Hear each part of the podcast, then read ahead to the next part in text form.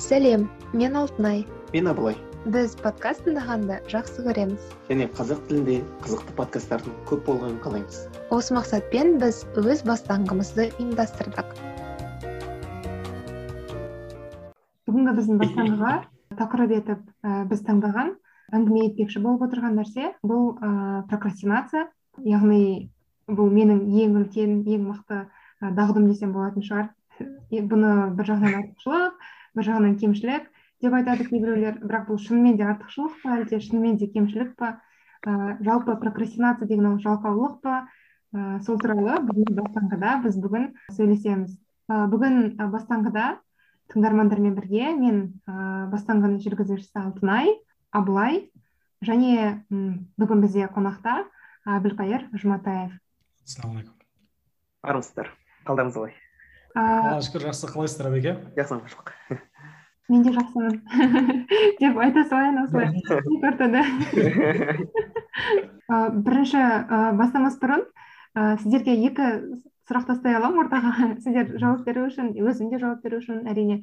Ең бірінші прокрастинацияға дефиниция берсек болады немесе сіздер прокрастинаторсыздар ма соны анықтап алсақ болады біріншіден есімім әбілқайыр мубарак университетінің оқытушысы исламтанушы phd докторант. Ә, біз жалпы осы бір әртүрлі жазу әсіресе осы докторантура диссертация деген мәселеге қатысты. Өте көп ұшырасамыз осы ә, прокрастинация мәселелерімен. Yeah. Иә. енді мысал ретінде бір тапсырма берсе отчет берсе ә, күндері белгілі ғой көбінше мысал ретінде мынау. Жиырма бесіне тапсыруым керек басқа деген сияқты. Бізде ондай емес қой. Сенің жұмысың үш жылдан кейін барып бірақ ә, беретін болғаннан кейін барып әрбір қадам әрбір жаңағыдай ыыы әрбір бет осындай бір күшпен келеді да. Мхм. Яғни сен мысал ретінде өзің үшін ә, жазасың да оның барлығын. И өз еркіңде болған соң барып сен уже кейінге қалдыра салуың да жеңіл и жарайды ертең барлығын қосып жаза саламын ғой деген сияқты мәселелермен өте көп ұшырасамыз бұл қазір докторантура болсын оның алдына магистратура болсын оның алдына бакалавриаттағы болсын ғылыми жұмыстардың барлығы негізінде ә, бірден бір қызық мәселесі осы. Сондықтан ғой үш жыл берсең де бес жыл берсең де соңғы алты айда жазылады ғой негізі ғылыми жұмыстардың көбісі. Мхм. И осы сияқты мәселелерге келген кезде ол шыны керек көп ғылыми қызметшілер ыыы біріншіден прокрастинатор екіншіден ыыы олар түн түнде қызмет қылған жақсы көреді түнде жұмыс жасайды көбінше.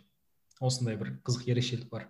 Біз өте көп ұшырасамыз осы мәселелермен бұл ғылыми дәлелденген нәрсе ма? Или сұрағыңыз көп берген кезде мен прокрастинатормын сіздің көзқарасыңыздан ба әбілқайыр аға?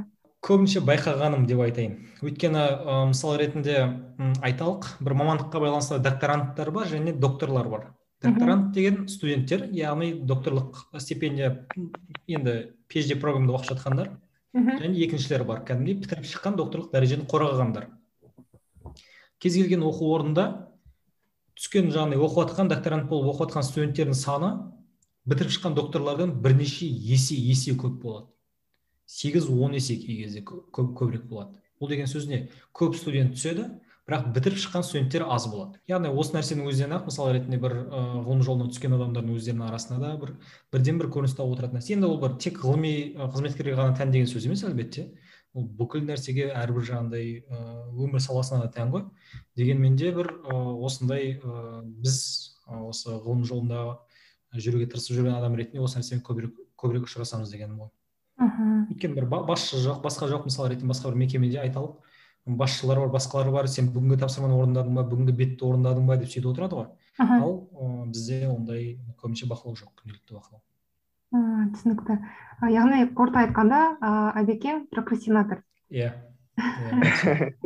Абылай сіз ой мен қайда барамын мен нағыз прокрастинатор ғой. Мысалы жаңа ә, ноутбук тексеріп отырмын ғой енді. Қалай алма екеуміз бір бірімізбен тексеріп істеп тұр ма естіліп тұр ма деген сияқты. Соны өткенде осыдан бір қашан екі ай бұрын ба бір эфир осындай зум жазғанбыз осылай.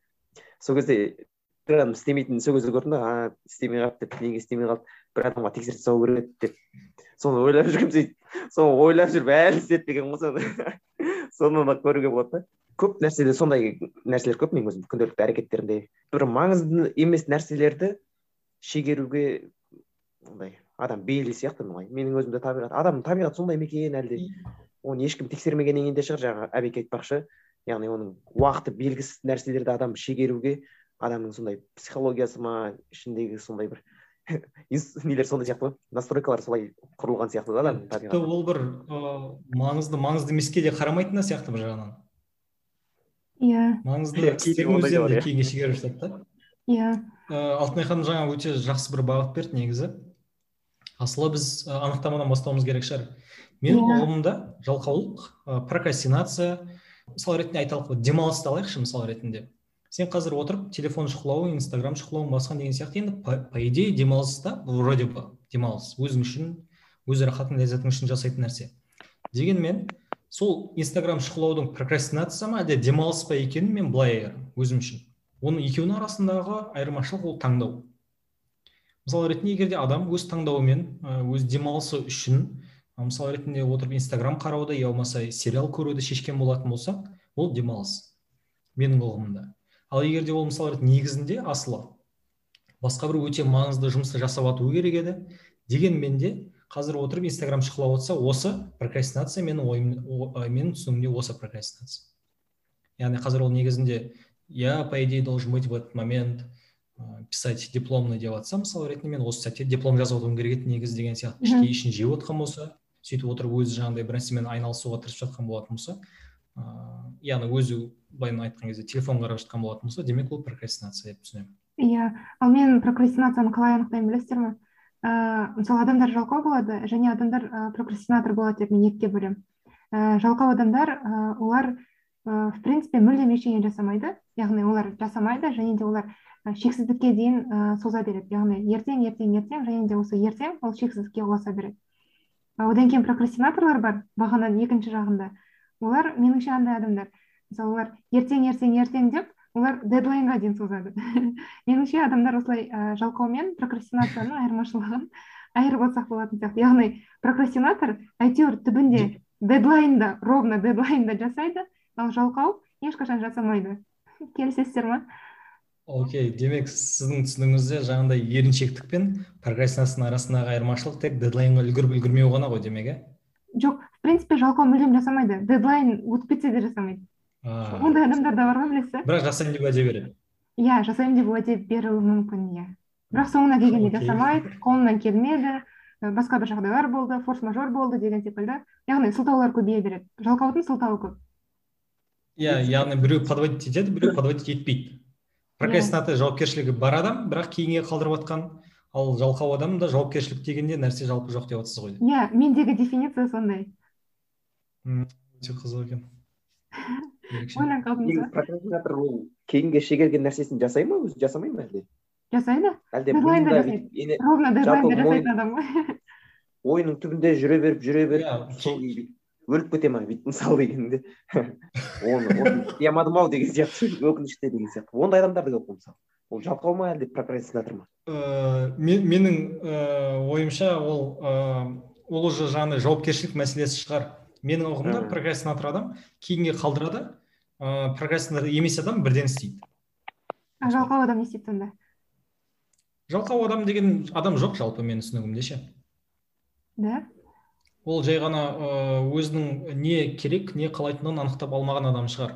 Өйткені мысал ретінде жалқау адам деген біз мен алдында мындай бір қызық оқиға қызық бір ә, мәселе естідім. Пәленше бір кісілер пәленше бір адамдардың тобы олар жалқау дейді да. И бірақ оларды қарасаң в общем қысқасын айтқан кезде бір кісі бір қариялар туралы осындай бір қызық бір пікір айтты да. Қариялар жаңағыдай осындай бір мәселе келген кезде жалқау деп ше. Мен айтамын қалай ол жалқау сен целый бір кітапты жаттап алу үшін сен қалай жалқау боласың? Күніге саған төрт сегіз сағатқа шейін уақыт кетеді құран жаттауға. Қай жақтан жалқау болады десем осындай осындай бір жұмыс жасасаң істегісі келмейді дейді да. Мен айтамын окей ол саған қызық нәрсені істегісі келмейді. Бірақ өзі үшін қызық нәрсені өзі құнды деп тапқан нәрсені істегісі келеді ғой. Ол егер де мысал ретінде сен тапсырмаңды орындамаған болатын болса ол оның жалқау екендігін білдірмейді деп жатырмын да. Тура сол сияқты менің де ұғымымда жалпы жалқау адам деген жоқ бірақ дегенмен де ол ыыы отсутствие дисциплины мысалы ретінде өзін тәртіпке салып үйренбеген адам болуы мүмкін я болмаса бір адам болуы мүмкін өзіне не керек екендігін анықтап алмаған сондықтан өзіне қызық емес керек емес маңызды емес істеп тапқан нәрсені өзінде де біреулерге уәде береді мойнына алып алады жұмысқа кіріп алады деген сияқты. Я болмаса мысал ретінде керісінше ә, жоқ деп айта алмау осы сияқты қасиеттер яғни осы сияқты бір ә, белгілі бір қабілеттерді дамытпаған адамды біз кей кезде бір жалқау деп анықтама беретін сияқтымыз. Түсінемін кей кезде біз амал жоқ істеуіміз керек бір мәселелер бар. Дегенмен де енді оларды жасамады екен деп ә, мен де мысал ретінде м бір адамнан үміт үзбес едім. Өйткені бәрібір де оның өздігінің әйтеуір қызығатын бір нәрсесі болады деп ойлаймын да. Бірақ осы кезде мындай ой туындайды дашы мысалы адамдар прокрастинацияның себебін іздеген кезде адамдар не үшін прокрастинация жасайды деген кезде прокрастинацияның негізгі себептерінің біреуі ол адамға адамда қызығушылықтың болмауы деп анықтайды. Иә. Сондықтан ода бір адам болмауы мүмкін емес деп ойлаймын ғой ештеңеге қызықпайтын адам болмауы мүмкін емес деп ойлаймын да. Басқа бір нәрсеге қызығатын адам бар деп ойлаймын да просто. Иә бір жағынан. Дұрыс айтасыз. Ііі мысалы үйде жатасың басқа достарың болады. Жұрттың баласы деген әңгіме де содан шығатын сияқты бір жағынан. Мысалы ііі кейбіреулері мысалы атқа жақсы көреді атты жақсы көреді малды жақсы көреді ол тірлікке жақсы деген. Сияқты ал кейбіреулері мысалы оқуға жақсы ол ондай тірлікке мысалы ондайға ебі жоқ деген сияқты. Соны айтады анаң жұрттың баласы сияқты. Мал қарасаң жақсы анау мынау деген сияқты. Ау? Мен жұрттың баласымын ғой жұрттың баласы. Бірақ енді сондай да сондай сияқты бір жағынан. Оның үстіне жаңағы жалқауға қатысты десек ііі жалқау адам дегенде меніңше мынандай сияқты. Мысалы ііі енді біз енді ауылда мен өзім ауылда өскеннен кейін бізде енді ауылда көп адам жалқаулау негізі былай.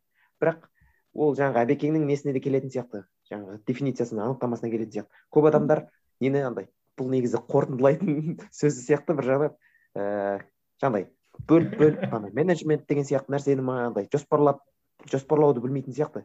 Мысалы көп мысалы біздің ауылда болатын тірлік жыл он екі ай ғой енді қайталанатын тірлік. Мысалы жазда шөп шабу керек ә, көктемде жер егу керек көктем ә, күзде жаңағыдай шауып алу керек шөпті жаңағыдай картошканы жинап алу керек деген сияқты. Сол кезде көбі тақалмада істейді да мысалы дедлайнда істейді. Бәрі мысалы жазда шөп шабатын кезде жаңағыдай шөп шабатын агрегаттарын техникаларын жөндей бастайды. Көбі мысалы үлкен кісілердің көбі нервісі ауырады мә тақалмада істейсіңдер осылай осылай деп. Мысалы біздің үйде де ондай нәрсе болып тұрады мысалы. Жылда өз өзіңе уәде бересің. Мә келесі жылы ертерек істеп қоймасақ көктемде ана күн ерисап қар ергеннен кейін ақ деп. Бірақ сонда да бір сондай болып қалады да адам өзі.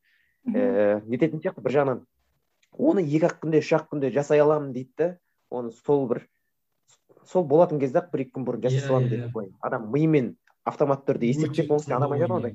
қазіргі мотиватор кісілердің айтуы бар ғой. Адам деген ана не дейді? Бәрін есептеп тастайды мындай адам деген мынандай мындай деген сияқты. Ііі енді адам солай бүйтіп есептеп тастайтын сияқты. Энергиясын құртқысы келмейді ма? Ми энергияны құртқысы келмейді артық нәрсеге деген сияқты. Сондықтан оны бүйтіп алаңдамайтын сияқты. Ә, меніңше біз дефинициямен анықталған сияқтымыз. Ә, яғни ә, жалқау адам деген жоқ. Яғни қызығушылығы қандай да бір нәрсеге қызығушылығы жоқ адам бар. Және прокрастинатор дегеніміз ол бір нәрсені үнемі кейінге шегеретін адам. И осы жерде бір анықтап алу керек нәрсе прокрастинатор дедлайнға дейін кейінге шегере ма? Әлде прокрастинатордың ісі мүлдем жүзеге аспауы да мүмкін ба? Енді дефиниция бұны өзі өз ішіне қамти ма жоқ па мен білмейді екенмін алтынай ханым. Субъективті ойым бойынша адамда ә, белгілі бір лимит бар деп ойлаймын. Ә, бір күннің ішінде жасай алатын жұмыстарының. Егер де сол жұмыстарының ішіне оны енгізсе ол жасайды. Яғни мысал ретінде мен ә, бүгін ә, жасай алатын белгілі бір жұмыстарымның саны бар. Және оның ішіне мен ә, шамамен алған кезде бір үш сағат қана эффективті ә, яғни тиімді бір сағаттарым бар. Осы тиімді сағаттардың ішіне жоспарлап жақсылап айналысып бір істерді енгізсем мен ол істі жасаймын. Мхм а егер де оның ішіне енгізбеген болатын болсам оны скорее всего жасамаймын осылай ғана қабылдаймын. Яғни адам таңдау деп есептеймін да. Мхм яғни ыыы прокрастинатордың шегеруі ол дедлайнмен шектелмейді. Менің түсінігімде иә. Абылай сен қалай ойлайсың? Оны ііі бір жағынан мен де менің өз басымда былай болған. Мысалы мына нәрсені бүгін тура істеймін деп жазып қойып тура уақытын да белгілеп кәдімгідей андай максимально бүйтіп андай бұрышқа тақап дейді ғой. Сондай болды да. Бірақ сонда да ысырылып кетті ғой. Адам бір жағынан ертең істей саламын деген сияқты тағы бүйтіп жіберіп алдым да.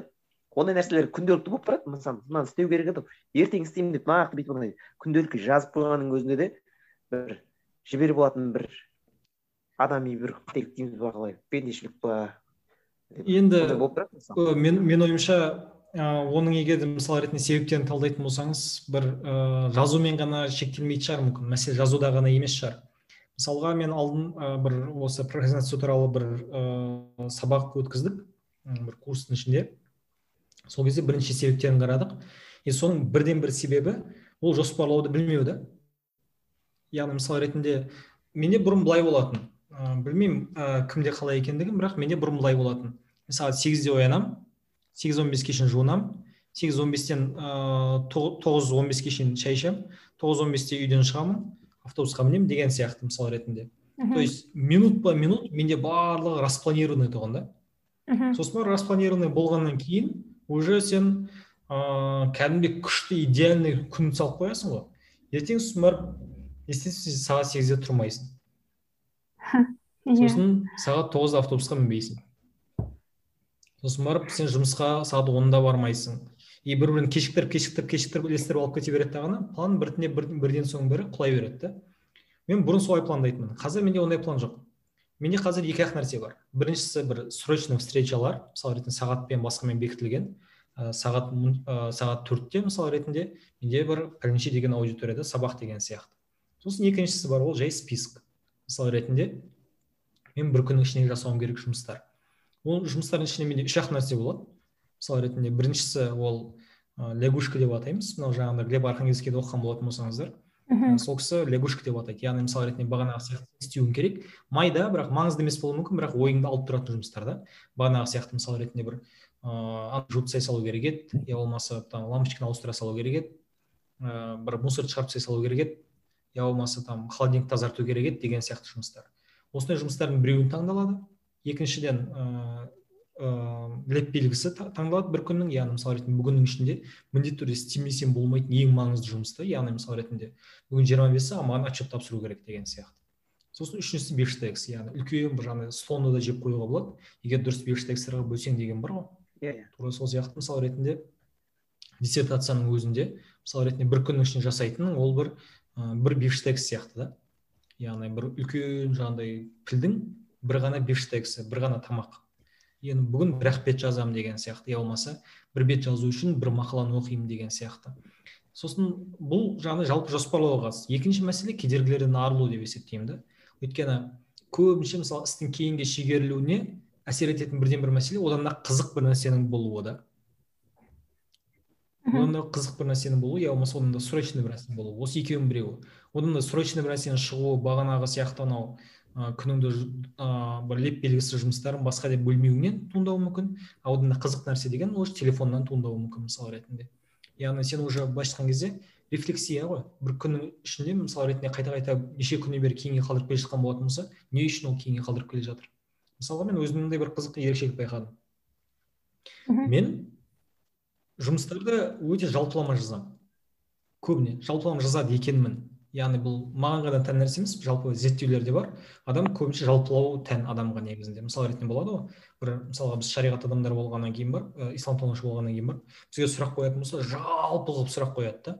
Мысал ретінде ыыы ә, былай деп қояды мысалы процент харам ба деп қояды да. Иә процент харам. Ну естественно процент харам. Имеется в виду ростовщичество именно процент пене иә. харам. А, жақсы рахмет дейді кетіп қалады. Бірақ кейіннен барып бір рет мындай ситуация болып қалды. бір кісі келіп сұрақ қойып жатыр мен қасымда тұрған ұстазым бар еді сол кісіге сұрақ қойды сосын барып мен нақтыладым. Кешіріңіз ыыы кеңірек ашып жібересіз ба ситуация қандай деп ше? Қарап қарап қарап қарап қарап келсе сұрақ вообще басқа жақта да. Бір екі адамның үйленейін деп жатқан мәселелеріне байланысты нәрселер да бірақ қойған сұрағы депозит харам ба да? Осы ситуациялар көп болады. И бұл жалпы адамға тән қасиет жалпылау. И сондықтан біз өзімізге жаңағыдай задачаны жазған уақытта да біз жалпылап жалпылап жазады екенбіз да. Мен мысалға бұрын былай жазатынмын. Бір бет диссертация жаз деп жазатынмын да. Қазір мен олай жазбайтын болдым. Пәленше деген файлды ашу. Мхм мысалы ретінде маған бір ғылыми мақаланы оқу керек и соны мысалы ретінде ғылыми мақаланы ашу. Я болмаса соны рабочий столға шығару соны басу. Я болмаса жұмыс үстеліне отыру деген сияқты мысалы ретінде. Яғни алып баратын негізгі мелкий қадамдар болады ғой. Майда қадамдар өте майда қадамдар. И осы майда қадамдар жазған уақытта оны істей салу әлдеқайда жеңілірек екен. Мысалы ретінде маған бір бет диссертация жаз дегеннен гөрі лучше просто жұмыс орнына барып отыр деген нәрсе әлдеқайда жеңілірек. Яғни диссертация жазу үшін жұмыс орнына барып отыр. Мен отырдым. Енді список ашамын. Дальше что у меня? Пәленше деген файлды ашу. Мен файлды аштым. И так далее. То есть мен әр осындай кішкентай қадамдарды өзіме бір жұмысты бітірдім деп есептеймін да. Бір бетті жазу емес именно бар жұмыс бар орны жұмыс орнына барып отырдым ба отырдым. Красавчик. Әрі қаратай келесі жұмысты істе. Қандай жұмыс? Ол бірінші файлды ашу. Өте жақсы. Ә, екі абзац оқу. Оқыдым. Өте жақсы. Соның барлығы сызылып кете береді дағыны мен бір күннің ішінде уже бірнеше іс істедім. Не үшін? Өйткені мен үшін бағанағы бір ерік жігеріме оның өзі белгілі бір түрде салмақ болып тұрды яғни осы ерік жігерді басқарудың бірден бір формасы бірінші қадамды ғана ойлау да. Мхм. Осы кезде әбеке маған мынандай ой келіп тұршы ыыы мысалы сіз жаңа айттыңыз ғой майда қадамдар иә. бөліп тастау. И майда қадамдарды жүзеге асыру ол әлдеқайда оңай депші адамға. Бірақ кейде иә. осы майда қадамдардың өзі прокрастинацияға себеп болмай ма? Себебі мысалы менде мынандай жағдай болатын. Мен мысалы бірдеңені істеуден мысалы жақсы істеймін да өзімнің дәрежемді білемін. Содан кейін мен оны кейінге дейін шегеремін да мен оны бір сағатта істеп тастаймын ғой. Ладно менде бір күн бар депші и мен сол аралықта басқа нәрселердің бәрін істеп шығамын бірақ тек қана сол істі істемеймін. Иә мен майда қадам деп жатқаным ә, мысал ретінде маған қазір диссертация жазу керек бірақ мен үйді сыпыруым емес. Мен майда қадам деп жатқаным бағана диссертацияны жазуға алып келетін майда қадамдар иә солар мысалы тым жеңіл болып көрінеді ғой мысалы. Мысалы маған бір сызба сызу керек дейінші мен мысалы автокадты мен мысалы автокадты ашу керек деп айтамын. Автокадта файл файл құру деп айтамын. Жаңа файлды құрамын автокадты ашамын. Сосын ыыы несін шаблонын немесе скелетін құрып қоямын сызбаның да мысалы бағдарламада. Содан кейін ыыы мен айтамын мысалы мысалы автокадта сызбаның шаблонын немесе скелетін құру мысалы абылай біледі иә. Ол бес минутқа да жетпейтін уақыт иә. Сосын айтамын е мә оны қазір мен тақалған кезде істей салсам да болады ғой деп и мен прокрастинация жасаймын да ше а жоқ значит ол мынандай ғой. Мысал ретінде бір қызық ситуациялар болады. Мен былай түсіндіремін әдетте. Мысалға бір доп футболдар футбол ойнап жатады да доп футбольный поляның сыртынан шығып кетеді ғой ұшып кетеді ғой. Аха. Сосын барып енді сырттан қараған шығарсыз может быть өзіңіз де көрген шығарсыз. Балдардың ешқайсысы сыртқа шықпайды бәрі күтіп тұрады. Өтіп бара жатқан иә бізде осындай бір қызық бір ерекшелік бар. Әсіресе двордағы футболда осылай өйткені ол топтың артынан бару былайша айтқан кезде жігіттердің арасында бір абыройсыздық сияқты бір қабылданатыны бар да. И бәрі күтіп тұрады. Анау келіп бір адам топ теуіп жіберген. И бір адам келіп өтіп бара жатқан адам келіп ана ой бүйтіп тұр шабыттан тұрып тебеді дейсің. Өйткені оған қызық. Аха. Қолының алдына келіп тұр жеңіл да істей салғысы келіп тұрады да. Аха. Істеп тастай салғысы келіп тұрады мысал ретінде болмаса бір анау не көрген шығарсыз бір интернетте видеолар бар ғой бір сабынды бүйтіп кесіп жатады ғой мысал ретінде не үшін сабынды кесіп жатқан адамға бір ләззат сыйлайды да бірақ дрельмен жерді кесіп жатқан адамға ләззат сыйламайды не үшін өйткені ол жеңіл да все как по маслу ше мысал ретінде бір қарасаңыз бір домино тұрады ғой бүйтіп бір бірінің артынан тіреп қойған ұзын бір доминоның қатарлары тұр да біреуін итерсең барлығы құлайды да. Керемет та барлығы дайын тұр. Сенен бір ғана қадам сұралып тұр да. Тура сол сияқты бізде формулировка болу керек та істерді ше. Сол кезде біз уже кейінге қалдыру деген нәрсе болмайды да. Соны тық істей салғымыз келіп тұрады да істеп құтыла салғымыз келіп тұрады. До того кішкентай да. Так енді ыыы сіздің сөздеріңіз арқылы біз ыыы прокрастинацияның себебіне келген сияқтымыз яғни прокрастинацияға алып келетін нәрселер мен түсінуім бойынша сіздің ыыы осы жалпылама айтқанда. Ә, бірінші жоспарлауды білмеу прокрастинацияға себеп бола алады иә. Иә екінші одан да қызық басқа нәрсенің болуы іс әрекеттің болуы прокрастинацияға себеп болады одан кейін жалпы ыыы жаңағы жоспарлауды білмеуге кіреді. Ол жалпы іс әрекеттерді немесе жоспарларды жалпылау яғни оларды майда және бір біріне себеп болатын немесе жалғасып кететін іс әрекеттердің жиынтығының болмауы прокрастинацияның себебі деп алдық. Дұрыс па бике идеяны ойлайсың ғой мынаны жасау керек еді бірақ енді саған ешқандай зияны жоқ оны жасағаннан бірақ оны жасағаннан ел жұртқа басқаға айналаңа бір пайдасы тиеді. Бірақ соны бір максимально бір күшті қылып жасайыншы деп ойлап жүріп бір пісірем пісірем миымда пісіріп жүремін деп ойлап оны былай кейінге шегере берген жылдар өте береді да сол оймен мысалы. Ол осыны бір кішкене ақша жинап алайын немесе бір ақшаға қатысты не болса мысалы қазір сенің қалтаңда артық бір жиырма мың теңге болса соны жарайды мен кішкене айлығымды өсіріп алып елу мың теңге болған кезде осыны жасайыншы деген сияқты. Қазір жиырма мың теңге жасасам ұят қой деген сияқты мысалы. Сөйтіп адамда сөйтіп те шегеретін сияқты бір жағынан. Андай ел жұрттың алдында ұятқа қалқамайыншы. Мынау жасаған жақсылығы осы ма деген сияқты бұқамасын деген сияқты бір сырт сырт адам сырттың да несі әсері болатын сияқты бір жағынан. Перфекционизм дейсіз ғой иә перфекционизм. Яғни істеген соң бірден керемет қылып істеуге тырысу деген нәрсе. Содан кейін бастап одан гөрі жасамай ақ қояйыншы деген сияқты болып кететін сияқты одан кейін оғыз оғыз осысын айтатын сияқты елдер. Ой осы ма сен жасаған сонша тек жер көкке сыймай айтып жүрген әңгімең осы ма еді деген деп сыртқа бүйтіп алаңдап та қалатын сияқтымыз бір жағынан сөйтіп ә, осы нәрсе менде де кей кезде қызық көрініс табады бірақ мен бір оның айласын айласын таптым. Мен бірінші ә, адамдарды жоспарларыммен риза қылмайтын болдым қазір. Нәтижемен да тек қана иә өйткені яғни мысал ретінде менде мындай бір принцип пайда болды. Адамдарды жоспарларыңмен риза қылып қойма деген. Мысал ретінде оның ар жағынан шыққан екі мәселе бар. Біріншіден ә, сен айтқаннан кейін барып как будто уже істеген сияқты болып қаласың да қанағаттанып қаласың да. Өйткені сені мақтайды ғой о әбілқайыр не деген керемет жоспар мынау деп.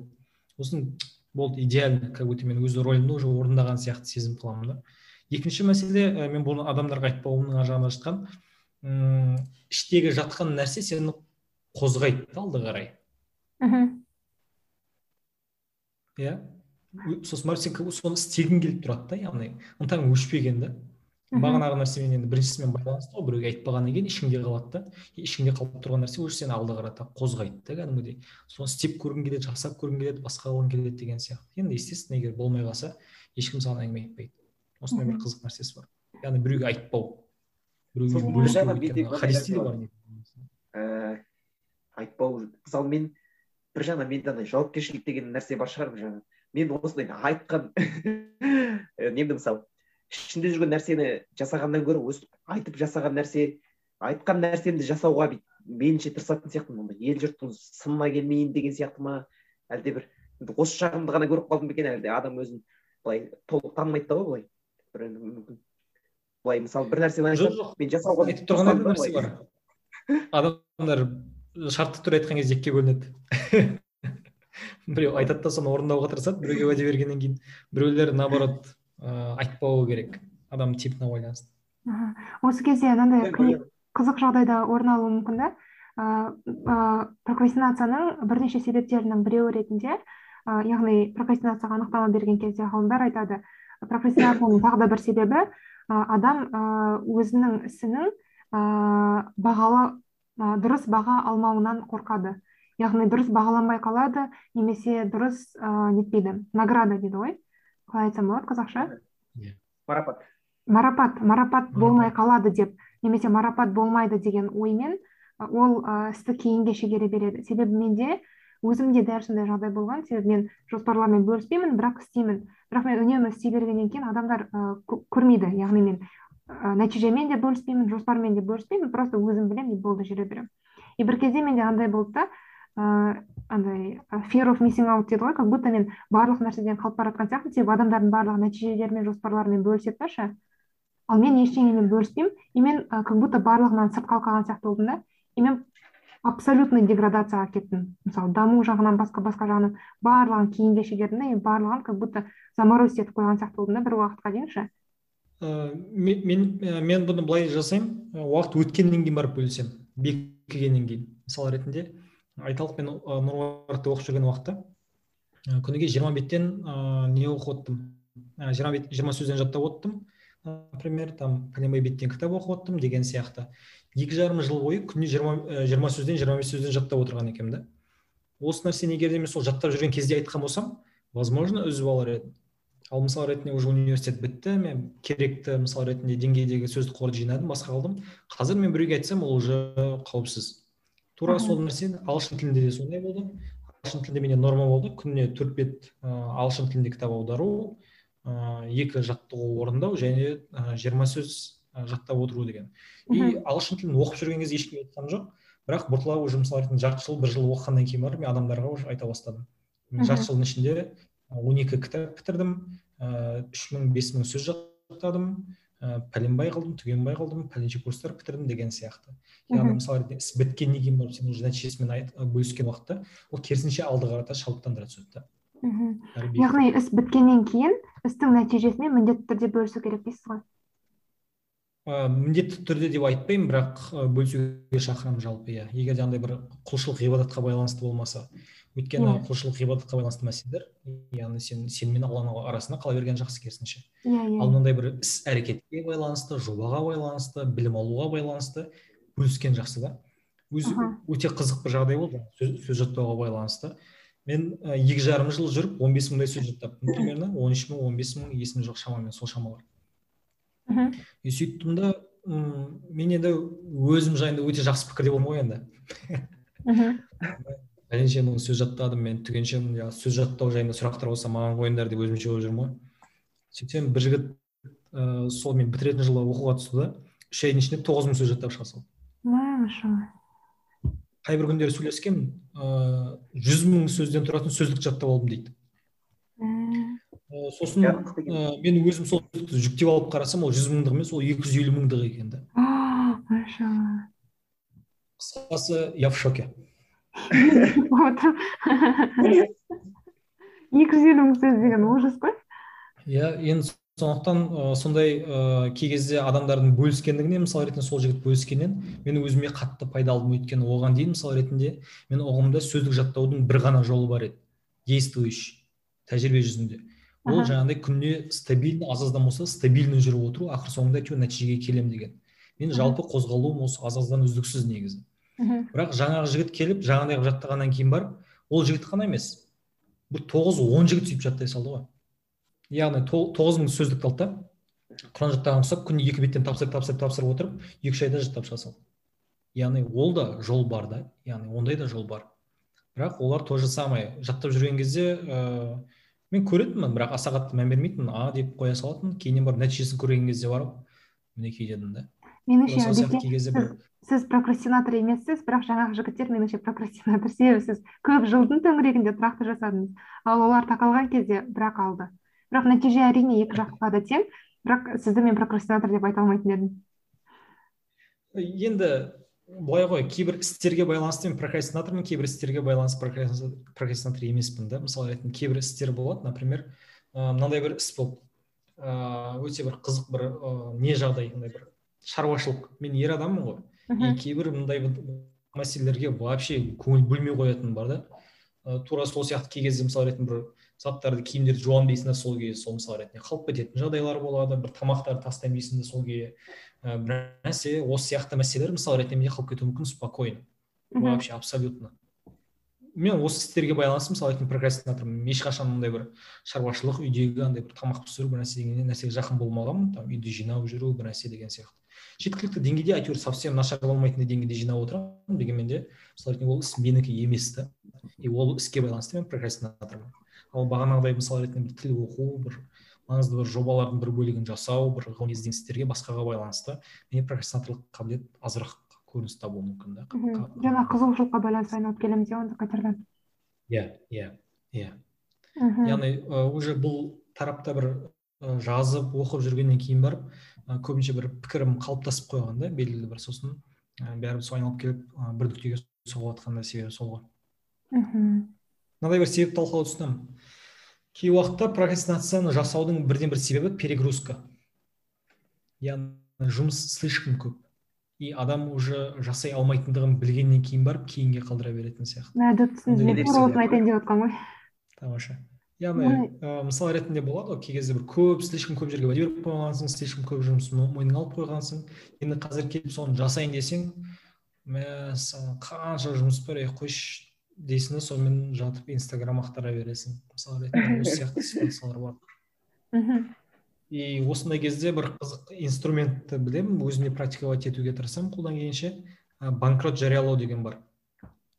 Қалай бұл деген сөз ыыы сені мойныңа алған бүкіл жұмыстардың барлығына отмена беру мысалы ретінде ыыы сен бір кісіге барып көмектесемін дегенсің звондап отмена беру сен бір кісіге қағазын жазып беремін дегенсің отмена беру бір кісінің үйіне барып ыыы кіріп шығуың керек болған отмена беру и так далее.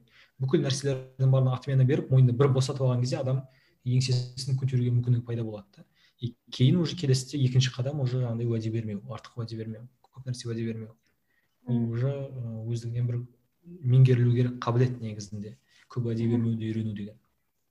Иә дұрыс айтасың менде де болған сондай жағдай. Мен де банкрот жариялағанмын өткен жылы. Ал былай білет как раз бастаңғыдан ыыы біраз уақытқа шығып кететін қайтардан қайтардан ыыы восстановление жасағанға дейін ше сол кезде көп ыыы яғни мен бір уақытта үш жерде жұмыс істеп жүрдім бір жерде стажировка өтіп жүрдім екі подкастта болдым. Бір ыыы неде басылымда ә, тәуелсіз автор болып жазбалар жазып жүрдім ә, и ғылыммен айналысып жүрдім. Ойлаңызшы? Сізде зорығу болған жоқ па перегорание болған жоқ па? Перегорание болды менде. бірақ аллаға шүкір қазір өте жақсы. Мен от души банкрот жарияладым сол кезде. Бір жарты жылдың төңірегінде ғой деймін. Бірақ ондай үлкен жауапкершілік алмау керек меніңше. Бір уақытта өте көп жауапкершілік алған ол жалпы дұрыс емес себебі бұл денсаулыққа да әсер етеді. Себебі ол менің денсаулығыма да өте қатты әсер етті. Иә иә жоқ сөзсіз өзіме көп алып қойдым ғой деймін қатты. Орындамасаңыз да ол нәрсені ойда жүреді да күндіз түні ұйықтасаң да тұрсаң да анда барсаң да анда барсаң да. адамды жеп қояды да іштей. Мә сосын оны не орындарыңды білмейсің не орындамасыңды білмей. Одан гөрі шынымен ақ иә бір нүктесін қоя салған дұрыс шығар бір жағынан негізі. Иә. Иә иә дұрыс айтасыз түсіндіріп осылай болса өзі менде жақында бір ыыы сотруднигім сондай болды перегорание болды. Ыыы степендері бар негізі перегоранияның. И соның бір степенінде мысал ретінде бір, бір, бір екі күн керек болуы мүмкін бір степенінде жарты жыл керек болуы мүмкін. Ыыы яғни деңгейлері бар да біреуінде екі апта керек біреуінде вообще саланы ауыстыру керек жағдайлар бар екен да. Аха. И жаңағы жігіттің түріне қараймын уже кәдімгідей сұп сұр болып кеткен да жаңағыдай енді вообще өңі қашып кеткен да. Жұмыс істеп отыр. Бірақ уже көріп тұрмын да то что он перегорает уже болды заряд таусылып жатыр уже бітіп жатыр как раз осы жаңағы курстың запуск күнелері басқалар болып жатқан кездерде бар. Е болды барлығын таста болды үйге қарай қайт бар үйге жат демал екі күн вообще сенде демалыс короче. Осылай айттым үйіне кетті. Енді бізде ключевой сотрудниктердің бірі еді амал жоқ қайта қайта хабарласып отыруға тура келді. Бірақ жұмыс жұмысты тапсырмалар басқалар берген жоқпын. И кеткеннен кейін барып уже бір екі күннен кейін барып хабарлассам кәдімгідей өңі кіріп жымиып кіріп қалған да кәдімгідей мамасы да айтып жүр екен да сен келген кезде сұп сұр болып кеткен еді түрің кішкене түріңкіріп қалды ғой деп. Иә. Сол сияқты кей кезде оны алдын ала распознавать етіп көру сосын барып бір керек уақытында демалыс бергізіп отыру деген сияқты мәселелер бір басшының да бірден бір атқару керек қызметі шығар бәлкім иә. Қазіргі таңда мысалы батыс мемлекеттерінде мысалы америкада европада мысалы канада австралия дамыған мемлекеттерде алдан қатарлы компаниялар ыыы өзінің ыыы қызметкерлерінің жаңағыдай күйіп кетпеуіне өте көптеген жағдайлар жасайды да. Бірақ қазақстанда меніңше ол әлі трендке кірген жоқ. Сондықтан да адамдар өздерін өздеріне қамқор болғаны ыыы ең абзал. Одан басқа вариант жоқ сияқты меніңше. Иә қатты маңызды. Өйткені мысалы ретінде ана бір адамдардың барлығын айқайлап ұрса беретін ашуланшақ сондай не адамдар қай жақтан пайда болады? Сондайдан пайда болады ғой. Аха мен сондай адам болдым ғой. Сол. Яғни мен сондай адаммын. Мен в принципе жалпы сондай адамға айналып кеткенмін қазір өйткені. Ыыы перегорание. Жұмыс слишком көп. Енді мен бір жағынан ол, ол кезде спокойно жүрген себебім мен білдім да бір осы бір кезең осы бір екі апта үш апта и сосын ары қарата босаймыз құдай қаласа деген сияқты. Аха. Сондықтан мен біртоға жобаны аяқтап тастағым келді де и аяқтап тастап қазір енді альхамдулилля ақырындап біршама босадым уже аллаға шүкір. Мхм. Ә, так біз осымен ә, прокрастинацияның себептерін бірталай анықтап алған сияқтымыз яғни жоспарлауды білмеу одан да қызық дүниенің болуы жалпылау яғни бір істерді яғни оларды майда қадамдарға бөлген дұрысырақ одан кейін ә, жұмыстың қиындығынан немесе жұмыстың тым көптігінен қорқу немесе жұмыс өте яғни өз мүмкіндігінен адам өте көп жауапкершілік алып алуы және де марапатты немесе сол жұмыстан қандай да бір құндылықты көрмеуі прокрастинацияның негізгі себептері болады деп анықтадық иә қорытындылай келгенде. Иә. Енді прокрастинацияның пайдасы туралы әңгімелесіп көрейік осыған дейін көп негативті жақтарын айттық та біз мысалы прокрастинацияның қандай пайдасын мысалы біз өзіміз көрдік? Жалпы зерттеулер емес өздеріңіз жеке бастарыңыздан мысалы прокрастинацияның пайдасын көрдіңіздер ма? Менде мындай бір қызық оқиға орын алды біз кеше курс өткізіп жаттық. Прогрессивті мұсылман бірден нөл деген курс өткіздік. Ол жерде мұсылмандардың заманауи болуы үшін ә, тиімді болу үшін өз мамандығын ә, жақсы меңгеру үшін не керек ә, керекті қабілеттер туралы софт skills туралы ә, біршама сабақтар болды. Ә, сол ә, курспен қатар ә, біз тағы да күнделік беруіміз керек болған күнделік дайындап жаттық. Мхм осы прогрессивті мұсылманның жаңағыдай ә, курсындағы айтылған мәселелердің барын орындауға басқаға байланысты. Дәл қазір ә, мен біз бірақ ол кейінге қалдырылды бізде приоритеттеріміз басқа болды. Приоритеттерді таңдау керек болды. Мысалы ретінде видеолары жаңағыдай курстың ұйымдастырылуы басқасы кураторлар ә, ключевой командамен жұмыс жасау деген сияқты мәселелер.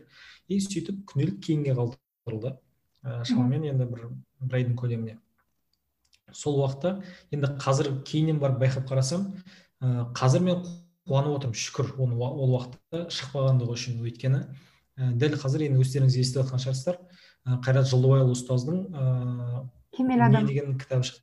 Кемел адам деген кітабы шықты. Иә сол кітаптың жанында күнделік шықты иә өте бір қызық нәрсе. Егер дәл осы уақытта біз мысал ретінде күнделік шығарып басқа қылдырып баспаға ақша салып сөйтіп сөйткен уақытымызда бәлкім бәлкім ыыы біздің ыыы күнделік көлеңкеде қалып қалар ма еді? Я болмаса мысалы ретінде бәрібір де айналып келген кезде оқырмандарымыз бір ғой аудитория бір. И сол аудиторияны біз уже таңдаудың арасында қойып қоятын едік. Яғни сен я мынаны алуыңа тура келеді я мынаны алуыңа тура келеді деген сияқты. Сондықтан осындай жағдайлар болмай жалпы жақсы орын алды. Енді қызық арабтар негізі былай айтады. Егер де арабтармен жұмыс жасаған болсаңыздар енді мен бір екі жылдай уақыт примерно сол арабтардың аудармасымен басқасымен айналыстым. Ыыы күнделікті іс әрекеттеріне деген сияқты бір уақытта синхронный переводчик болуға тырыстық деген сияқты. И сол уақытта оларда бір қызық қасиет бар. Шешім қабылдау өте қиын мүлдем қиын. Ұзақ қабылдайды кәдімгідей бір шешім қабылдауы. Енді кәдімгі әңгіме әңгіме өте қиын. Үш төрт сағаттап бір нәрсені талқылап отыру мүмкін бір ііі үлкен емес бір мәселенің өзін. Бірақ оларда қызық бір мақал бар. Фикули хайран деп айтады. Яғни әрбір кешігуде бір жақсылық бар деп айтады. Әрбір кешігуде бір хайыр жақсылық бар деп айтады. Яғни бір нәрсе іс кешігіп жатқан болатын болса олар спокойно жүре береді. Көбінше мысал ретінде ол нәрседе бір хайыр жақсылық бар деп түсінеді. Позитивный адамдар екен ой ол сіз егер былай египетті нені басқаны білетін болсаңыздар египетте сау көлік өте аз негізінде. Олар бір біріне соғып басқа қылып сөйтіп жүре береді жаңағыдай. Егер де біреу бүйтіп басын шығарып айқайлап басқа қылып қолын шығарып сабыр қыл сабыр қыл я болмаса пайғамбарымызға салауат айт салауат айт деп айтады да шығып жүре береді. біздің қазақстанда сөйтіп айтқан елестетіңіздерші. Е ондай бізде бізде өтпейді ол. Ол жақтарда енді төбелес деген көп жоқ қой біздің жақта төбелес қой бірден. Салауат айт салауат айт десе қуасың ба дейтін шығар. Деген не деп сұрайтын шығар? Салауат деген дұрыс айтасыз енді негізі ол нәрсе бір ә, негізі исламның бір сипаты емес жаңағы іс біреудің дүниесіне андай бір зақым тигізу деген негізі. Просто халықтың арасындағы бір менталитет сияқты болып кеткен ғой. Негізінде дінде сен біреудің ә, мүлкіне жаңағыдай қол соғып соғып тырнап басқа қылып кетуің негізінде зұлымдық болады негізінде. Ол ә, әділетсіздік болады. Ол жақсы нәрсе емес. Ә, сен біреуге зиян тигізіп жатсың ә, дегенмен ол жақта енді ол нәрсе бір андай бір конфликтті шешудің бір менталитет деңгейіндегі бір көрініс табуы ғой енді сипаттары мхм сондықтан оларда осындай бір жаңағыдай асықпау деген сияқты бір қасиеттер бар. Енді бір жағынан ыыы жарайды мен басқа тақырыпқа алып кетпей ақ қояйын. Алтынай ханым? А былай сенде қандай нелер болды? Пайдасын менде енді ойда көп нәрсе жүреді. Ол нәрсені орындауға бір жаңағыдай жоспарлаудың да бір несінен шығар енді олқылығынан шығар бір жағынан. Сондайлар да болады. Бірақ ә, енді сол нәрселерді уақытында істемегеніңе бір жағынан өкінесің. Бірақ қазір бір жағынан енді одан да енді бір жақсылық іздейсің ғой бірақ оның енді бір пайдасы не шығар? Одан да жақсырақ қылып жасауға тырысу шығар. Кішкене ақыл тоқтатып кішкене басқа да бір жаңа нәрселерді қосып деген сияқты. Кезінде жасағанда ол бір кішкентай бір қарапайым дүние болып қалуы мүмкін еді. Ал бірақ қазір оны кішкене оң солын барлап деген сияқты ол нәрсені істеп көргеннен кейін ә, бір егер ол бір уақыт күттірмейтін нәрсе болса яғни ұдайы істей беруге болатын бір дүниелер жобалар болса оны солай бір бәр жағын жақсы жақсартуға мүмкіндік сияқты бір жағынан. Ал бір жағынан енді кішкене сабақ қой ә, демек осылай істемеу керек деген сияқты былай. Өмірдің сабақтары ғой соны алуға болады бір жағынан пайдасы. Демек ана кезде бүйтпеу керек деген сияқты ой түйесің ғой енді. Прокрастинациядан мен көрген пайдам негізінен өте көп. Біріншіден мен негізі андай ярый прокрастинатор адаммын ғой. Барлығын тақалғанда істеймін негізінен көп жағдайда. Біріншіден ә, прокрастинация мысалы сен ә, бірдеңеге өте аз уақыт қалдырасың ғой. Яғни сен оны кейінге шегересің шегересің. Мысалы дедлайнға келген кезде білмеймін басқа адамдарда қандай но менің миым сверх жұмыс істеп кетеді. Сіздерде ондай емес па? Иә иә дәл солай аха дәл солай бар бар бар. Ондай нәрсе иә иә. Иә мен миым жұмыс істеген кезде мен өзім миымның қызметіне өзім таңғаламын. Мә мен былай жұмыс істей аламын ба депші миыма. Неғып күнделікті солай жұмыс істемейсің деп ойлаймын өзім. прокрастинация. Мен ыыы менде тақалған кезде істейтін адамдардың бірімін бірақ менде бір қызық жағдай болды. Аха. Бакалавриатта оқып жатқан кезде диплом жаздық. Ыыы диплом менде ол кезде исламдағы педагогиканың мәселелері мен негіздері деген тақырып. Сол психология туралы жазғым келген бірақ енді ә, кішкене ғылымирақ жазу керек болды да сонымен педагогика туралы жазып бастағанмын басында. Кейін барып магистратурада соны жалғастырдық. Өзін өзі дамыту әдебиеттер контекстінде мұсылман тұлғасын дамыту деген тақырып жаздық магистратурада осы бакалавриатты жазып жатқан уақытта бір қызық жағдай болды. Мен аяқ астынан операцияға түсіп қалдым. Ә, кішкене өзімнің де еріншектігім бар басқам бар. Содан уақыты тақалған кезде жұмыс жасай бастадым. Еще маған тұрып жүруге болмайды жатып жаздым. Операциядан кейін. И күніге сенесіз ба он жеті беттен ба жаздым ғой шамамен өзіңіз миыңызға өзіңіз таңқалып қалған шығарсыз өте кәдімгі енді ол диплом ғой енді ол кезде мен енді енді ғана бастап жатырмын бұл сияқты мәселелерді кейбір мәселелер бір кітаптан алып кейбіреулерін бір жерден не қылып кейбіреулерін басқа қылып өңдеп қосып алып деген сияқты аудармалар жасап деген сияқты. Мен енді аудармаларды бұрын нұр академияда жасағанмын ғой. Бір бір бетті шамамен өте асыққан кезде жиырма минутта аударамын да бастан аяқ бір тілден екінші тілге дейін жазбаша жазбаша күйде. И соным бар басқам бар. Қысқасын айтқан кезде күніге он жеті беттен жаздым да. И өз өзіме риза болып тапсырдым. Сонымен қорғадық кеттік менен сұраған сұрақтарына жауап бердім барлығы тамаша. Магистратураға түскен кезде мен ойладым менің планым о баста былай болған менде он жылдық план болған нұр бірінші курсқа түскен кезде бакалавриат артынша сразу магистратура артынша сразу докторантура деген. Сондықтан мен ә, сол бакалавриатты жазып жатқан кезде мен ары қарай магистратурасын жалғастыратындығымды іштей уже түссем нұр түссем жалғастыратындығымды білдім да сондықтан уже магистратураға түскен кезде мен қатты сасқаным жоқ менде бірінші бөлімі дайын. Дипломды жазып қойғанмын бұрын деген сияқты дипломды мен бірінші бөлім болғанда маған екінші бөлім жазсам болды деп ойладым. Сөйтіп өзім қызметке кетіп қалдым астанаға басқа қылдым үйттім бүйттім басқа қылдым қысқасы айтқан кезде жаңа жылда жаза бастадым ғой. Жарты жыл ғана қалған қорғауға. Ал енді келіп жазып жатырмын жазып жатырмын жазып жатырмын. Наурыз айында барып тапс, барып тапсырсам өтпейді деп жазып жіберіпті. Қалай өтпейді? Қалай ол өтпейді жаңа? Өзім жайында пікірім өте жақсы ғой еще. Қалай ой ол қалай жақсы жазылған ол жұмыс деп қоямын ғой. Сөйтіп қол барып оны шығарып алып қолыма алып бүйтіп қарап отырсам мен бұрын диплом қылып жазған нем. Мәссаған анау адам оқи алмайды ғой анда өте нашар болып шыққан да енді яғни қалай айтсам екен магистрлық дәрежеге мүлдем сәйкес емес та мүлдем сай емес та. Яғни соңына тақап сапасын қатты жоғалтып алғанмын да. Яғни мен соңына тақаған кезде мен жұмыс жасап жатқан уақытта өте күшті жұмыс жасап жатқан сияқтымын мындай бір потокқа кіріп кәдімгі ләззат алып жұмыс жасап жатқан сияқтымын да. Бірақ нәтижесін қарасаң кей кезде шықпай қалады. Дәл сол бір түнде жұмыс жасаған сияқты нәрсе ғой. Мысалы ретінде мен егер де таңға қарай емес түнде отырып жұмыс жасап бір нәрсені бітірген болатын болсам әсіресе шығармашылық жұмыста бұл мен ғана емес өте көп адамдардың айтатын пікірі түндегі жұм, жазған жұмыс күндіз оқуға жарам, жарамсыз деп айтады. Яғни көлем жағынан иә шабыт жағынан иә. Бірақ ол түнде жазылған нәрсені тек қана түнде ғана оқуға болады да. Ал бірақ егер күндіз оқылатындай бір ресми бір нәрселер болатын болса көбінше оған жақсы нәтиже шыға бермейді көбіне. Осындай мен де тақаймын бірақ тақап жіберсем мен уже менде сапа қатты түсіп кетеді ше. Иә негізі прокрастинация сапаға өте қатты әсер етеді. Иә. Джон лерре деген кісі бар. Әлемдегі ең жас нейробиологтардың бірі мынау осы мидың жұмысын басқан зерттейтін. Сол кісілер бір қызық зерттеулер жасаған ғой.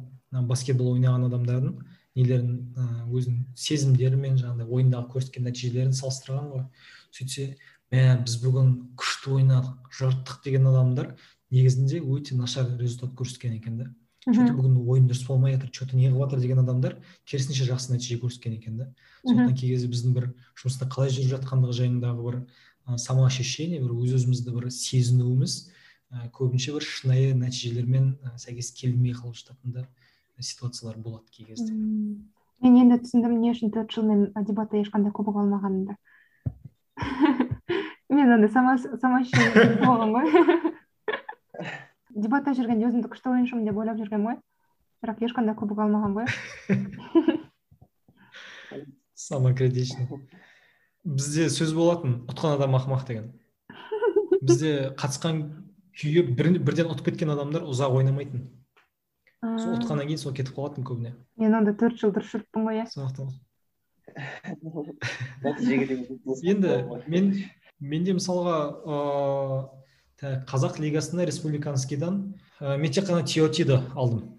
Бірақ одан бөлек онда да ол британ форматында болды онда да ол жерде бір ең мықтылардың барлығы бірдей қатысты деп айта алмаймын мысал ретінде енді айтқым келгені енді аралас болды ғой енді ол турнирдің өзі де мысалы yeah. Иә. толыққанды бір кәдімгідей республикалық турнирдің деңгейіндегідей өте қиын болған жоқ та иә иә иә алдым бірақ одан бөлек менде республикалық бірде бір кубок жоқ мысалға әйтпесе менің ә, студенттерім мен тәрбиелеп шығарған жігіттер мысалы ретінде бірнеше жыл подряд жаңағыдай республиканы алып жатты мен сол кездегі мысал ретінде уже қатысып жүрген уақыттың өзінде келесі жылдардың өзінде ыыы педколледж мысалы ретінде екі рет пе екен чемпион болды. Педколледж деп отқаным қызылордадағы колледж біз оқыған. Ә, соны біз сол оқу орнынан ә, әртүрлі бір студенттеріне басқа дайындап шыққан кезде республика ә, республикалық болсын облыстық болсын турнирлер бірнеше мәрте алдық та біздің студенттер. Сондықтан ә, егер де аллаға мәлім егер де ең бірінші қатысқан уақытта бірден ұтып кеткен кезімізде бәлкім ой мынау оп оңай нәрсе екен құрсын бұның не қылатын нәрсесі бар деп соны кетіп қалар ма едік бәлкім иә біздің енді бағанағы айтқандай ғой әрбір кешігуде жақсылық бар ғой. Оның үстіне да бар сияқты бір жағынан мысалы. Енді ол нәрсе енді қазақ отбасында көп нәрсе болады мысалы. Мысалы үйлену керек анау мынау деген әңгімелер болған кезде үй іші дайындалады ғой. Сол қалған кезде үйге ремонт жасайтын бар ғой. Бірақ оған дейін ойда жүреді ғой енді үйді жасау керек бүйту керек сөйту керек евро жасау керек бүйту керек. Деп бірақ тойға бір бір ай қалғанда ма бәрін жасап не де сол прокрастинация прокрастинацияның бір белгісі шығар енді қоғамдағы. Алдында әбеке қарындасымды тұрмысқа бергенбіз ғой. Аха. Естественно үйге ремонт жасадық та. Мама айтады да үйленетін болсаң осы ремонтпен үйленіп алсайшы бірден дейді да. Кейін де сөйтіп әзілдеп айтып жатыр да прикол ұстап. Рас қой негізі қазақ үйленсе ремонт жасайды ғой бірінші. Негізі ә, прокрастинацияның ә, пайдасы туралы айттық қой енді прокрастинацияның негізінен зияны басым екені енді анық болып тұр қандай ғылыми жағынан алсақ та әдебиеттерден қарасақ та тіпті біздің жеке тәжірибемізден алған күннің өзінде де. Енді осы прокрастинацияны қалай тоқтатамыз? Яғни немесе прокрастинация жасауды жасау деңгейін қалай ә, төмендетсек болады? Жоқ дегенде. Тақырыптан ауытқымай тұрып алыс кетпей тұрып бірден мынаны айтып кеткім келіп тұр. Прокрастинацияны пайдаға асыруға болады негізінде. Саналы түрде жүзеге асырса мысал ретінде. Ә, бағана жоғарыда атап өткен глеб архангельский деген кісі тайм драйв деген кітабында мындай бір ойды ұсынады. Ә, сол болу керек. Я болмаса время на отдых деген кітап екеуінің біреуі. Бірақ глеб архангельский точно. Егер де қандай да бір ә, творчестволық немесе қандай да бір проблеманы шешу керек болатын болса алдын ала сол проблема туралы информация жинап алып ақпарат жинап алып толыққанды басқа кейіннен барып өзіңе саналы түрде демалыс беру деп айтады. Мысал ретінде мен қазір ә, яғни ерінуге шешім қабылдау ол кісі оны творческая лень деп атайды шығармашылық жалқаулық деп атайды. Мен қазір бір сағат ерінемін деп шешім қабылдайды екен да. Сосын барып ә, соны шешіп қалдырғанда өзіне ана проблема туралы бүкіл ақпаратты бойына салып алады екен. Сосын барып ерінеді екен бір сағат жатып алып. Мысал ретінде бір әшейін жатамын десе әшейін жатады. Инстаграм болса инстаграм басқа басқа басқа деген сияқты. Қасына бір ручка парақ дайындап қояды екен. И адам былайша айтқан кезде анау дип фокус деген бар ғой. Дип мәселесі. Фокусты жалпы былайша айтқан кезде жинақталған фокус бар және де шашыраңқы фокус бар ғой. Осының арасын алмасып отырамыз да. Сол демалыс біз ә, демалысқа барған кезде біздің фокусымыз шашырайды. И осы шашыраңқы фокус шығармашылық мәселелерді шешуде таптырмас құрал да негізінде. Сондықтан қандай да бір проблеманы басқаны бір көптен бағанадан бері ми ашып шеше алмай жатқан болатын болса онда адам өзінің фокусын шашырату керек демалу керек және соны демалуға анық ә, саналы түрде шешім қабылдау керек екен бір кісілер айтады ғой мынау бір проблема шешілмей жатса вишневый торт же деп ше. Не үшін өйткені сен? Вишневый тортты жеген кезде сен фокусың шашырайды да ғана бағана проблемадан сондықтан оның жаңағыдай бір шығармашылық бейсаналық деңгейдегі бір шешімдер шығып жатады. Сондықтан бұны да бір осылайынан пайдаға асыруға болады а сосын мынау нәрсе бар ғой осы тарихқа байланысты нәрсе есіме түсіп кетті сіздің айтқанға байланысты қазақта көп нәрсе көп мәселелер тоймен белгілі бір адамның асы мысалы абайдың асы деген сияқты нәрседе шешілген деп айтады да тарихта демек мысалы тойда да адамдар расслабление болады бәрі жай болады көңілдері сол кезде бір құрылтай сияқты жасап жіберіп бірден мәселелерді шешіп тастайтын осыдан екен ғой бір жағынан иә өзі ол нәрсе біздің кезеңде де бар біздің уақытта да бар. Бір үлкен бір yeah, иә, саясаткер ағаларымыз да айтатын еді мемлекеттік шешімдер кухняда қабылданады деп. Иә а былай сенде ше инструменттер былай көп нәрсенің негізі қағазға түсіріп қойған жақсырақ сияқты. Мысалы ойда жүрген нәрсені әйтеуір қағазға түсіріп бір былай енді уақытымен шектемесе де қалай болады былай қадам қадамдарын есептемесе де қағазға түсіп тұрғанның өзі миға бүйтіп жеңілдік беретін сияқты бір жағынан. Мысалы мына нәрсені ойлап жүрсің мынаны ойлап жүрсің мынаны ойлап жүрсің ойлап жүрсің. Енді қай уақытта жасаймын деген сияқты нәрсе ол кейінірекке кете береді да. Былай адамның құры миында жүріп нетсе ол адам өзін жеп қояды да. Не оны біреуге айта алмайды жаңағыдай. Ол шикі нәрсе болғаннан кейін. Ііі сондықтан кішкене қағазбен бөлісіп қағазбен жұмыс істесе кішкене ііі дұрысырақ сияқты былай орындау негізі ойыңызды қуаттаймын. дэвид аллен деген кісі бар. Жтддің авторы get things done. Сол жүйеде де осы нәрсені айтады. Яғни адам өз миының ішінде ыыы шартты түрде былайша айтқанда жонглер сияқты деп айтады да. Жонглер деген бар ғой анау шарларды айналдырады ғой қолмен иә. лақтырып осы жонглер сияқты деп айтады. Және де біз тоғыз шардан артық олайынан лақтырып бір уақытта бүйтіп ойната алмаймыз деп айтады да. Сондықтан тоғыз тоғыз орын ғана бар басымызда. Енді біз соны босатып отыруымыз керек деп айтады. Яғни жұмыс па мысал ретінде? Барлығын жазып жазып жазып жазып босатып керек болатын болса күндерінен бөліп тастап деген сияқты сен өзіңді рухани тұрғыдан мысалы ретінде он бесіндегі болатын жұмыстан босатасың да. егер де бір жерге жазып тастамасаң оның барлығы миыңда жиналып тұра береді дағыны телефонның ішіндегі азуда тұрып қалады ғой бір программалар. Жаймен жұмыс жасайтын болып қалады тура сол сияқты болып қалады деп айтады ол кісі. Тіпті осы кезде бір нәрсе есіме түсіп жатыр. Қызық айта салайыншы.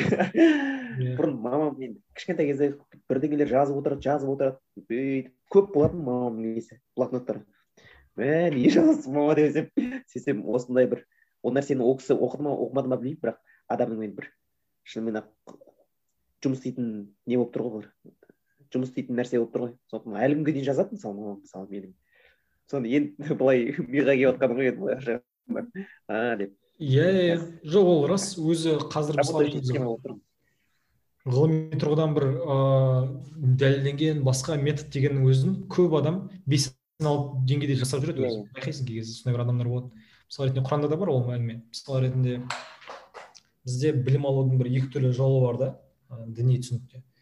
Біріншісі ол адамның бүйтіп кәдімгі талап етіп алуы екіншісі құдай тағаланың тікелей бере салуы.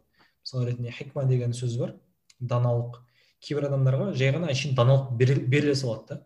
И сен ана жерде бір ғылыми нелерден оқып пәлен түген қылып жүрген нәрселердің барлығы. Ол адам мысалы ретінде өзі соны байқамайды бірақ олай жасап жатқандығын бірақ соны пайдаланып жүрген жағдайлар кездеседі да. Мхм. Менің сондай бір досым бар. Мен ана бір ғылыми жұмыс пәлен түген анау мынау е анау зерттеу бүйткен мынау зерттеу бүйткен деп мысалы ретінде айтып жүремін. Я болмаса кей кезде бағана тура сіз сияқты өйстіп өйстіп өйстіп жасаймын деп айтады сосын айтып, айтып беремін оған. Сен айтып жатқан жұмыстың артында мындай мындай ғылыми жұмыс бар мындай мындай зерттеу бар мындай мындай бір нәрселер бар сондықтан дұрыс жасап жатрсың деп. Ол сондай. Мен айтамын сенікі рахат не деген мынау мен барлығын мына жақта оқып ми көзімді ауыртып жүремін сен вообще қарап таңырап істеп жүресің әншейін жаңа сіз әбеке айттыңыз ғой адам миында мысалы жонглировать етеді дедіңіз ғой мысалы тоғыз ше бір уақытта. Мен қазір дэвид роктың мозг инструкция по применению деген кітабын оқып жатырмын да. Иә ол жерде мысалы сахнаға мысалы әртүрлі мысалы кейіпкерлерді образдарды шығарады да ше. Сол кезде ыыы сол кітапта айтады адам бір сахнада мысалы өзінің миының сахнасында ә, максимум екі нәрсені ғана ұстағаны абзал дейді да ше. Максимум екі немесе үш нәрсе ғана. Одан артық нәрседе адамның уже фокусы шашырайды немесе бір сол үш істің немесе төрт іс немесе бес іс ұстаса соның біреуі міндетті түрде фейл болады деп айтады. Прокрастинацияны ыыы қалай болдырмауға байланысты мендегі тәжірибем де сіздердікіне ұқсас жалпы жазып жоспарлап ыыы барлығын ыыы фиксировать етіп жүруге тырысамын. Одан өзге ә, мен триггерлерді пайдаланамын. Яғни бірдеңені мен ұзақ уақыт кейінге шегерсем әдет қалыптастыру. иә мен сол іске байланысты бір триггер аламын. Мысалы ыыы кеше ғана мен ватсапқа сторис салдым бәлкім сіздер көрдіңіздер. Мен ол жерге сүйкімді клавиатура сатып алмақшы болдым мен соны алматыдан таба алмадым. Мен ол клавиатура мен үшін ол триггер.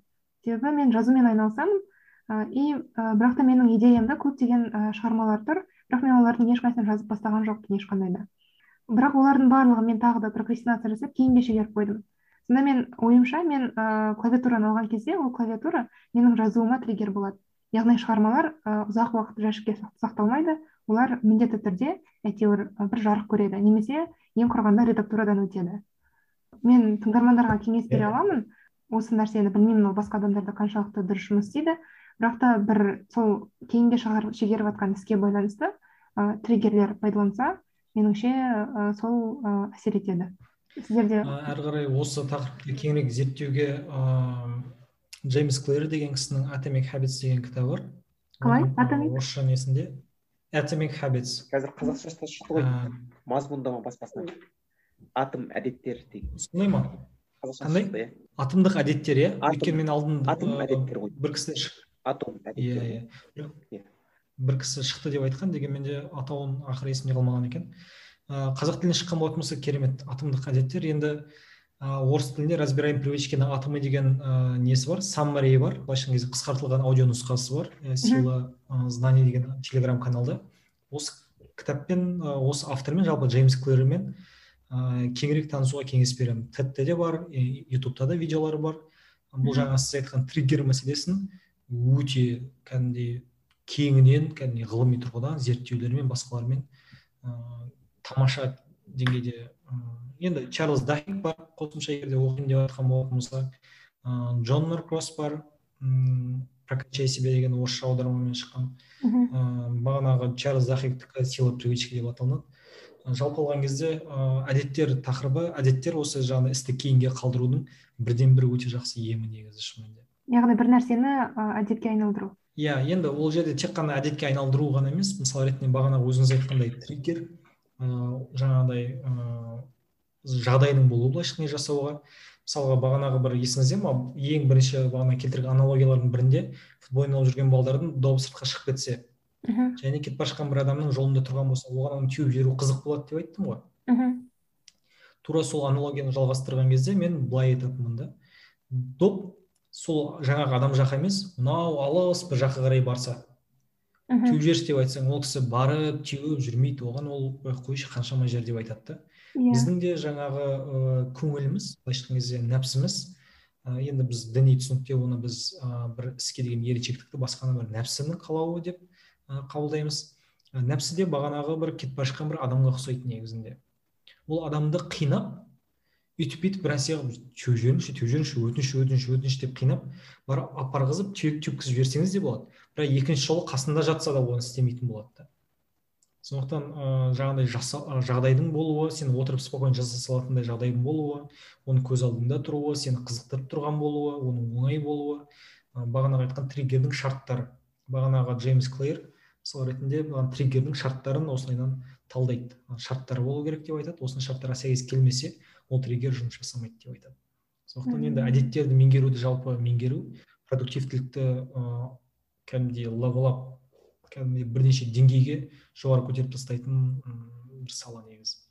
Мхм түсінікті. Онда ыыы қорытындылай келгенде біз осы эпизодта жалпы прокрастинацияға дефиниция бердік прокрастинацияның себептерін талқыладық жеке мысалдарымызды айттық ә, тіпті пайдасын да тілге тиек еттік. Ә, сонымен қатар прокрастинацияны қалай болдырмауға болатыны туралы да ә, қорытындылай ой түйдік. Ә, егер де ә, екі ауыз қорытынды соңғы сөздеріңізді айтсаңыздар сөйтіп ә, біз эпизодымызды ә, аяқтасақ. Прокрастинатор енді ол адамның табиғатында бар нәрсе бірақ соны кішкене зерттеп адам кішкене өзін өзі тануға тырысу керек сияқты. Енді неге олай неге былай деген сияқты кішкене бір ақылға сап деген сияқты. Сол кезде көп нәрсенің байыбына баруға болатын сияқты. Ол кітап кітапта оқып былай да жеке отырған кезде ойланып нетсе кеңес беремін деп айтсам болады. Негізі кез келген адам прокрастинатор болуына рұқсат. Егер де ол сіздің приоритет болмаса адам өзінің приоритет маңызды негізгі мақсат миссияларын анықтап алған болатын болса соған байланысты прокрастинатор болмаса болды. Ал қалғанына байланысты прокрастинация кешірімді деп есептеймін. Ал мен соңғы айтқым келеді. Ыыы менде ұзақ уақыт бойы болған прокрастинация үшін мен өзімді қатты жазғыратынмын және өзімді жек көріп біраз уақыт тіпті самооценкам да түсіп кеткен болатын егер де адамдар ыыы тыңдармандардың арасында егер прокрастинаторлар болса өздеріңізді мүлде жазғырмаңыздар. Тіпті өздеріңізді ешқандай іс әрекеттеріңіз үшін жазғырмаңыздар өздеріңізді жақсы көріңіздер. Және де ең бастысы нәтижеге қол жеткізуге тырыссаңыздар болды тіпті прокрастинация арқылы болса да. Ақылды жар жүйрік ат әсем әуен тіршілікте шын бақыт сол емес пе ай? Адассаңыз өмірде бәрінен де сол қайғы. Мұң орнаса көңілге серпілмесе болмайды. Ей гүл гүл жайна күлде ойна қыз бозбала шағыңдай гүл гүл жайна күлде ойна қыз бозбала шағыңдай бақыт шіркін көрінбей қайда жүрсің таудан асып шөл кезген арманымсың ай жүрек таза көңіл ақ болу үшін жақсылығы жақсының ойда жүрсін ай адассаңыз өмірде бәрінен де сол қайғы. Мұң орнаса көңілге серпілмесе болмайды. Хей гүл гүл жайна күлде ойна қыз бозбала шағыңда